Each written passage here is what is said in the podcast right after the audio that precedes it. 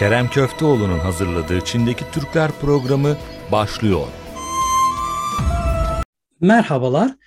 Doğudaki tanıtım elçilerimiz Çin'deki Türklerde bugün Atakan Özkaraca Bey'i davet ettik. Sağ olsun kırmadı, katıldı.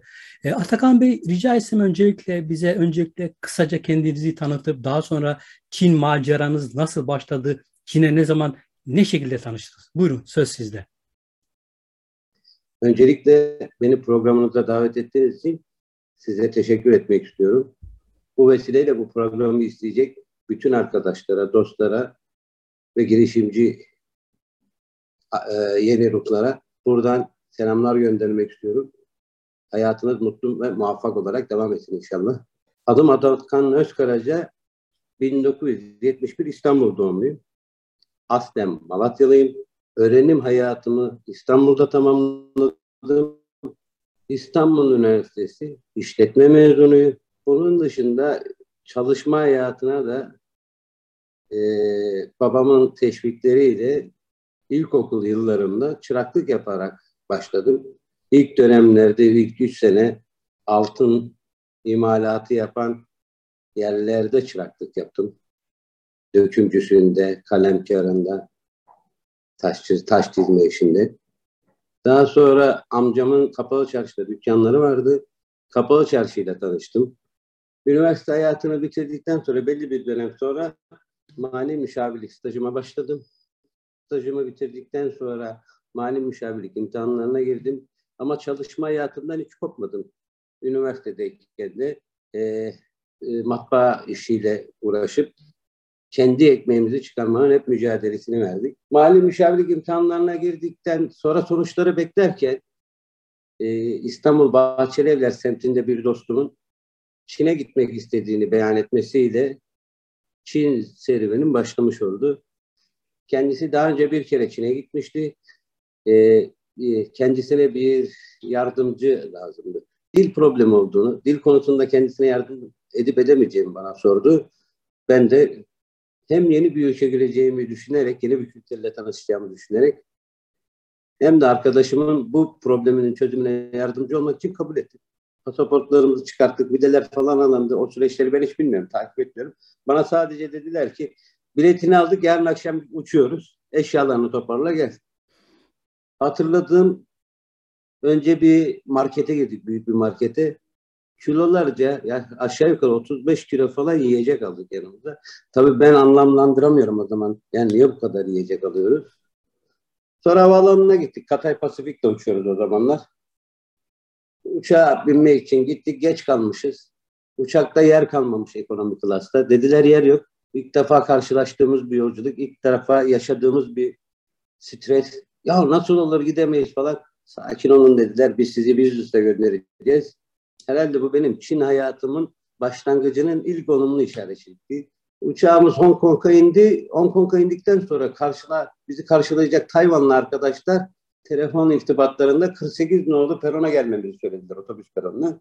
Havaalanından dışarı çıktık. Hiç alışık olmadığımız bir sıcaklık. sonra e, 48 nolu perona gittik. Otobüse bindik. Louvre'ye geldik. Karşıya geçtik. Hong Kong'la geldiğimiz ülke arasında böyle kocaman bir fark var. Sene 99'un sonu tahmin ediyorum. İndik, müdübüse bindik. O müdübüs doldu. Bir tane e, resmi kıyafetli, belki polis kıyafetli, belki zabıta kıyafeti bilmiyorum yani. Birisi elinde kocaman bir dev kamerayla içeri girdi. Tek tek herkesi kayıt altına aldı, indi hayretler içindeyim. Yani 20 küsür yaşlardayım, 27-28 yaşındayım. Hayatımda hiç böyle bir şey, uygulama görmedim. Kendisi e, meraklar içinde sordum ne oluyor? Eğer bir kaza yaparsak içeride kimler vardı onları kayıt altına alıyorlar dedi. Yola çıktık, revan olduk. Sonrası tabii ayrı bir hikaye. E, peki e, şu an hali hazırda e, hangi şirkette ve e, kimlere hangi hizmetleri veriyorsunuz Atakan Bey? Şimdi benim e, iki üç tane firmam var. Bir tanesi Jibu Trading Co. Limited. Bir tanesi Large Scala International Trading Company. İthalat, ihracat firmaları. Farklı konseptli. Biz e, burada daha önceleri geldiğim yıllar, şimdi ben e, buraya geldiğimde mali müşavirlik bilgim var. Marka vekilliği bilgim var. Belgelerim vardı. Patent vekilliğim var. Gümrük mekanisi almıştım. Piyasada da çalışmıştım. Konsepti biliyordum. Lojistiği biliyordum. Geldiğimde çok rahat bir şekilde ticarete burada hemen çok hızlı başlayabildik. Çünkü bir birikimimiz vardı. Dostlarımız vardı. Tahtakale'de geçmiş bir hayatımız vardı. Oradan olan ilişkilerimiz vardı. Öncelikle bujiteri ve saç aksesuarı konusunda e, bilgi birikimim vardı. Bu konuda çalışmalar yaptım. Bu konuda müşterilere, e, talepleri olanlara yardımcı oldum. Zamanla tabii ihtisas ve iş alanımız geliştirmeye başladı kaçınılmaz olarak. Makina üzerine son yıllarda, son 3-4 yıldır yoğun bir makina üzerine çalışmamız var. Tekstil ve tekstil aksesuarları çok popüler. İp işleriyle uğraşıyoruz. Polyester ipler, sentetik ipler gönderiyoruz. Oyuncak sektörüyle alakalı eskiden mamil olan müşterilerimiz vardı. Şimdi onlar imalatçı oldular. Onlara malzeme, kalıp desteği sağlıyoruz. Paketleme konusunda destekler sağlıyoruz. Ama işin ilk yapısı bizim 15-18 sene önce gelişimizle bugün arasında çok farklılaştı. Onun için dinamik bir yapıda e, devam ediyoruz. Eskiden sadece Çin'den bir şeyler göndermenin derdindeyken bu pandemiyle birlikte önümüze farklı imkanlar da açıldı. Türkiye'nin bazı yaptığı ticari anlaşmalar yurt dışından e, Türkiye'den e, buraya mamul getirme, ürün getirme gibi durumlar oluştu. Bu konuda çalışmalarımız var. Aynı zamanda Türkiye'den yoğun bir mamullerini Çin pazarına sokma talepleri var. Atakan Bey tam bu noktada şunu sormak istiyorum. Rica etsem e, artık ciddi bir deneyim birikim sahibi olduğunuz için e, Çin'in bijuteri sektörü hakkında biraz bilgi verir misiniz? Ve bu alan Türk müteşebbisine, Türk girişimcisine bir fırsat sunuyor mu ya da sunabilir mi? Şimdi bu müşteri ve saç aksesuarı sektörü Türkiye'de e, benim ilk geldiğim zamanlar e, çok eksikti. Ben bu ülkeye ilk geldiğimde yoğun olarak bu işler Guangdong bölgesinde, Qingdao bölgesinde ve şu an yaşadığım Yu şehrinde yapılıyor. Aradan 15 sene geçti. Artık her şey Yu şehrinde yapılıyor. Bütün fabrikalar buranın etrafında. Guangdong bölgesinde e, farklı müşteri ürünleri, çelik üzerine ürünler daha çok yapılmaya başladı. Çinta üreticilikten, imalatçılıktan çıktı. Her şeyini buraya taşımaya başladı. Şimdi burada fırsatlar, çok büyük fırsatlar vardı zamanında. Bu fırsatlardan değerlenen, değerlendiren arkadaşlarımız oldu ticari manada, girişimcilerimiz oldu. Hala da devam ediyorlar. Ama ben üretim konusunda Türkiye'de ciddi bir eksiklik olduğunu düşünüyorum bu konuda. Sebebi de şu, yedek parça, ara malzeme gibi ihtiyaçların Türkiye'de üretimi çok zayıf, yok denecek kadar az. Ne kadar güzel fikirlere sahip olursanız onu, dizayn hayaliniz, çizgileri ne kadar güzel olursa olsun, Türkiye'de bu alanda kendinizi ifade etmek şu an için zor, yeterli değil. Ümit ediyorum e, yeni birkaç fabrika açılır, kaplama fabrikaları, 2-3 tane de malzeme fabrikası açılırsa ülkemiz için çok faydalı olacağını düşünüyorum. Siz Türkiye'de ticaretin kalbi olarak bilinen e, kapalı çarşı sonrasında Tahtakale'de yetiştiniz. Şu anda da dünya emtia pazarının, dünya küçük malzemeler pazarının artık kalbi sayılan Yu'ya çok yakın yerde e, iştigal ediyorsunuz. E, bu iki e, deneyimden hareketle bu dünyanın en büyük e, küçük malzemeler e, pazarının e, hakkında biraz bilgi verip burası nasıl bir e, buradan nasıl yararlanabilir bizim müteşebbislerimiz? Ee, yine başa döneceğim. İlk geldiğim zamanlar daha sonra arkadaşlarımın bu tür çalışmalarına bir 5 sene 6 sene kadar 2006 yılına kadar yardımcı oldum. 2005 yılında da Çin'e yerleşmeye karar verdim. Tahtakale'de gördüğüm şu her şey Çin'den geliyordu. Tahtakale Türkiye'nin her yerine mal satıyordu ama Çin Türkiye'ye dahil her yere mal satıyordu. O gün karar verdim. O zaman ben de geleceğimi dünyanın tahta kalesinde kurabilirim diye bu mantıkla geldim buraya. Konteyner bazında mal gönderiyoruz ama gümrükleme mantığı bizim Laleli bazında yani Laleli'deki o çantacılık gibi Bavul turizmi gibi. var burada. Bu sistemi konteyner bazına getirmişler. Ve burada 4,5 kilometre uzunluğunda bir çarşı var. Bu çarşı üstünde 100 binden fazla, 200 binden az. Tam rakam olarak 178 bin falan diye biliyorum. Dükkan var. Çin'de her ne üretiliyorsa, her ne mamul varsa buralarda bulabiliyorsunuz. Buradan kurduğunuz ilişkilerle Çin'in farklı noktalarına gitmeniz gerektiğinde yüksek alımlarla alakalı yol haritaları çizebiliyorsunuz. Ama küçük alıcılar için burası bir cennet. Lakin bizim ilk geldiğimiz zamanlarda cebinizde bir 20 bin dolar para olması, ticarete atılmanız ve bunda muvaffak olmanız için yeterdi. Yeter bir noktaydı. Bilgi birikimi o kadar gerekli değildi. Pazar bilgisi o kadar gerekli değildi. Ne iş yaparsanız Türkiye pazarında bir açık vardı. Muvaffak oluyordunuz. Yeter ki çalışma disiplininiz olsun. Ama bugün Türkiye'de pazar çok zor bir hale geldi. Çin'de rekabet zaten çok zor. Bilgi birikimine sahip olmayan, piyasasını tanımayan, yaptığı işi bilmeyenin artık Çin'den kendi için başarabileceği bir şey kalmadı. Profesyonel manada bakan kendini yetiştirmiş firmalar Çin'den her konuda istifade edebilir. Zaten ticaretin boyu da, boyutu da yavaş yavaş ona kaydı. Eski ticaret yapısı yok. Yeni bir ticaret yapısı oluşuyor. Bu yeni ticaret yapısı ümit ediyorum memleketimizi de çok güzel yerlere taşıyacaktır. Üretim Ee, sizin- Sizin dediğinizden ben şunu anlıyorum. Çin'de ticaret eskisine oranla biraz zorlaştı. Peki bu zorlaşan duruma nasıl ayak uy- uydurabilir bizim insanlarımız ya da bu zorluğu aşmak için ne yapmaları sizce?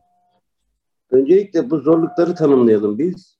Bence zorlukları tanımlayalım ve bu problemleri, bu problem gözüken şeyleri kendi lehimize, menfaatimize nasıl dönüştürürüz hep birlikte onun üzerine de kanaatlerimi aktarayım size. Şu an için dünyada en büyük problemlerden biri taşımacılık işi. Çok pahalandı. Forwardı, konteyner işleri. Geçen e, 2017'de, 2018'de 2300 dolar, 2400 dolar, 2500 dolar olan taşıma ücretleri şu an 15 bin dolar. Pandemiden sonra malzeme yetersizliğinden, fiyat artışlarından kaynaklanan müthiş bir zam var. Malzeme de yeterli gelmiyor. Lojistik olaraktaki bu gelen sıkıntı özellikle Türkiye'yi çok anlamlı bir yere koydu lojistik açıdan, lokasyon açısından. Şeyler yapma. Türkiye'de bir iş kurma sevdası olan bir sürü Çinli arkadaşımız var. Zaten e, siz de verilere hakimsinizdir. Tahmin ediyorum geçen sene Türkiye'de en çok ev alanlar, eve yatırım yapan yabancılar Çinliler. Türkiye burada bir döngünün, e, bir kapı aralamanın tam eşiğinde. Bunu aşmanın, bu olumsuzlukları faydaya çevirmenin yolunu becerirsek, üretim bantlarını taşıyabilirsek, Türkiye'nin e, önünün çok açık olduğunu düşünüyorum. bu konuda. Son dönemde bu lojistik tedarik ve konularında yaşanan sıkıntılardan dolayı Türkiye'nin çok daha önemli bir hale geldiğini söylediniz. Rica etsem Türkiye'nin bu önemini e, Çin'in önderlik ettiği kuşak ve yol girişimi çerçevesinde değerlendirebilir misiniz? Bu kuşak ve yol girişimi, kuşak ve yol inisiyatifinden Türkiye'nin hak ettiği payı alabilmesi için kimin hangi adımları atması gerekir sizce? Öncelikle kuşak yol veya yeniden İpek Yolu projesinin ne olduğunu doğru algılamamız lazım. Değişen dünya düzeni içinde 1979 yılında aldıkları e, kararlarla ekonomisine yeni yön veren Çin 40 küsür yıllık bir aşamadan sonra e, ciddi manada dünyanın lider ülkesi konumuna gelmek için at başı koşuyor. İpek yolunu canlandırarak karayoluyla gelişen teknolojilerin de yardımıyla denizden daha hızlı ürünlerini ulaştırmak, ilişkiler kurmak, paylaşımlar yapmak noktasında yol almak istiyor. Ve bu konuya da ciddi yatırım harcıyor. Dünyanın merkezi sayılan üç kıtada ciddi bir başarıya giden yol Türkiye'nin bulunduğu noktadan geçiyor. Çin'in de bunun farkında olduğunu düşünüyorum ama Çin'le Türkiye arasında biraz güven problemi olduğunu düşünüyorum. Yani bu güven problemini aşmak için ümit ediyorum her iki ülke arasında da daha çok görüşmelerin yapılması, birbirini daha iyi anlamak için çaba sarf edilmesi, birbirinin elini tutması lazım. Süper güç olmanın anahtarı İpek yolu. İpek yolunun kapısı da Türkiye.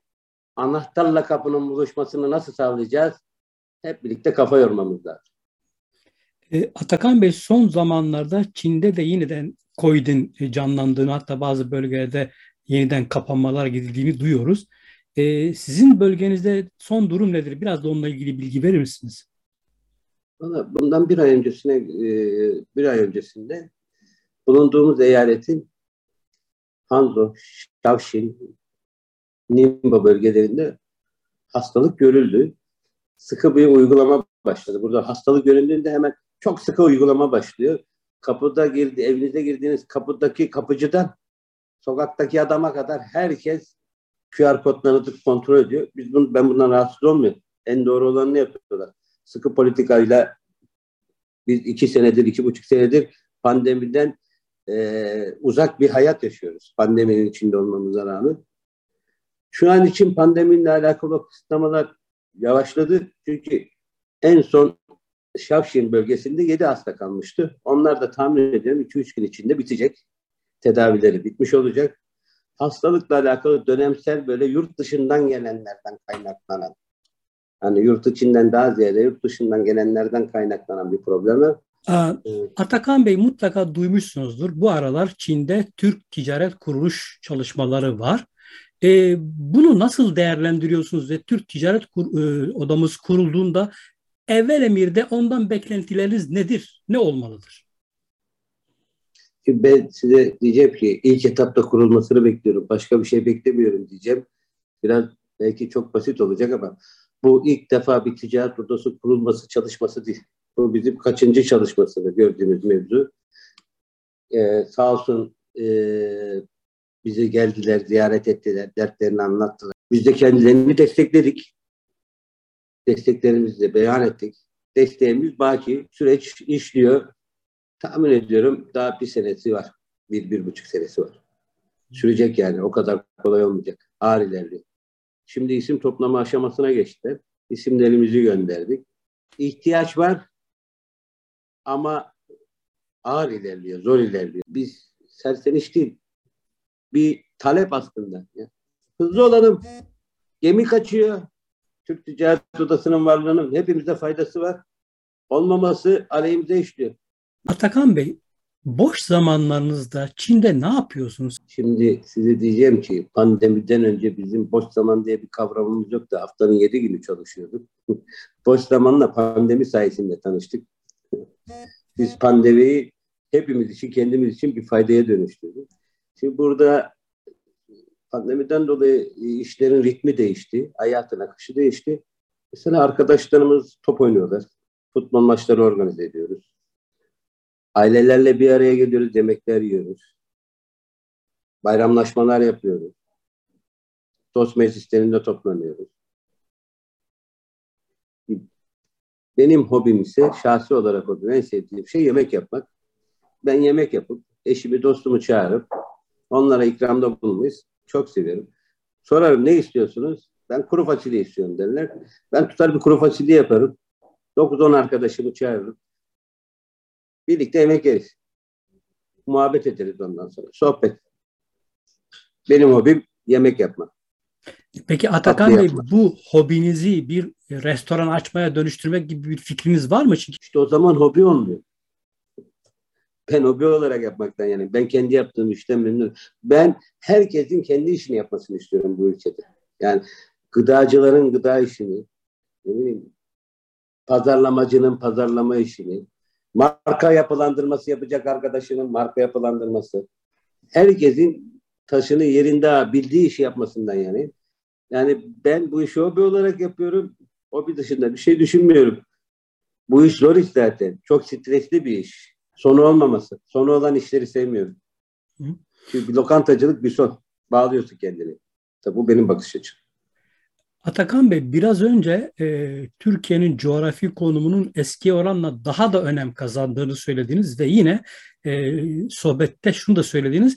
Son zamanlarda Türkiye'de Çin yatırımlarının da arttığını söylediniz. E, bu Türkiye'nin coğrafi konumunun öneminin daha da öne çıkması e, önümüzdeki dönemde ortak işbirlikleri, şirketler kurması ya da direkt yabancı sermayenin girmesini hızlandıracak mıdır sizce? Şimdi e, şahsım adına söylüyorum. Burada arkadaş çevremiz var. Türk arkadaşlarımızla da oturup bazen sohbet ediyoruz. Hepimiz de Türkiye'ye yatırım etmek, yapmak isteyen Çinli arkadaşlar fikir almaya geliyorlar. Yardım istiyorlar. Bazıları gelin birlikte yapalım diyorlar. E şimdi işin böyle bir eğilim var. Bunun sadece stratejik konumla yeterli değil açıklaması. E, ekstra da şu an Türkiye'nin yatırım yapmak için çok uygun olması da çok önemli. Ülkemiz şu an yatırım yapmaya çok uygun. Yani para kazanmayı, ticaretle uğraşan insanlar dünyanın her yerinde bunu görüyor gibi geliyor. Çinliler de görüyor ve bunu değerlendirmek istiyorlar. Ama dediğim gibi yani Çin devletiyle Türk devleti arasındaki ilişkide biraz sıkıntı var. Yani adını koyamadım. Bir, bir şey var. Yani nasıl yapılacak, ne yapılacak bilmiyorum. Hani bazen bize gelip söylüyorlar Türkiye ile aramızda bir problem olursa bize yardımcı olabilir miyiz? Ya biz elimizden geleni yaparız da problemi tanımlamayın. Bir problemi tanımlasalar biz de bir şeyler üreteceğiz yani. Burada e, gerçekten etrafımızda düşünen kafalar, eğitimli bir sürü arkadaş var yani. Bir sürü üniversite mezunu, boş vakitlerinde yaptığı işi düşünen, başka konularda proje üreten, fikirlerini paylaşan arkadaşlar var. Türkiye'nin dünyanın her tarafında bu gibi ümit ediyorum. Sadece şimdi Türkiye e, gelecek 5 yılda yatırım konusunda Çin'e özel bir ilgi gösterip özel bir ilişki yapmak lazım. Çinli yatırımcıları Türkiye'ye götürmek için Türkiye Cumhuriyeti'ni, devletimizin farklı bir açılım yapmasında fayda olduğunu görüyorum. Çünkü bunu aynısını Çinliler Tayvanlılara yaptılar, Korelilere yaptılar, Hong Konglulara yaptılar, Japonlara yaptılar. 40 yılda geldikleri nokta bu. Ve ben bu vesileyle yapılabilecek işbirliklerinin 10-15 senede Türkiye'yi e, hayal edemeyeceğimiz yerlere götüreceğine inanıyorum. Benim geldiğim bu şehir şu an yaşadığım şehrin 20'de biri kadardı. Ufacıktı. Ticaret pazar tahtaları üzerinde yapılırdı. Alışveriş yaptığımız insanlar barakalarda mal üretirdi. Barakalardan mal üreten insanların hepsinin fabrikası var. Derme çatlarma evlerde oturan insanların villaları var. 600 bin nüfusu bir köydü burası. Şimdi kasaba şehir olmak için mücadele ediyor. Ama değişim korkunç.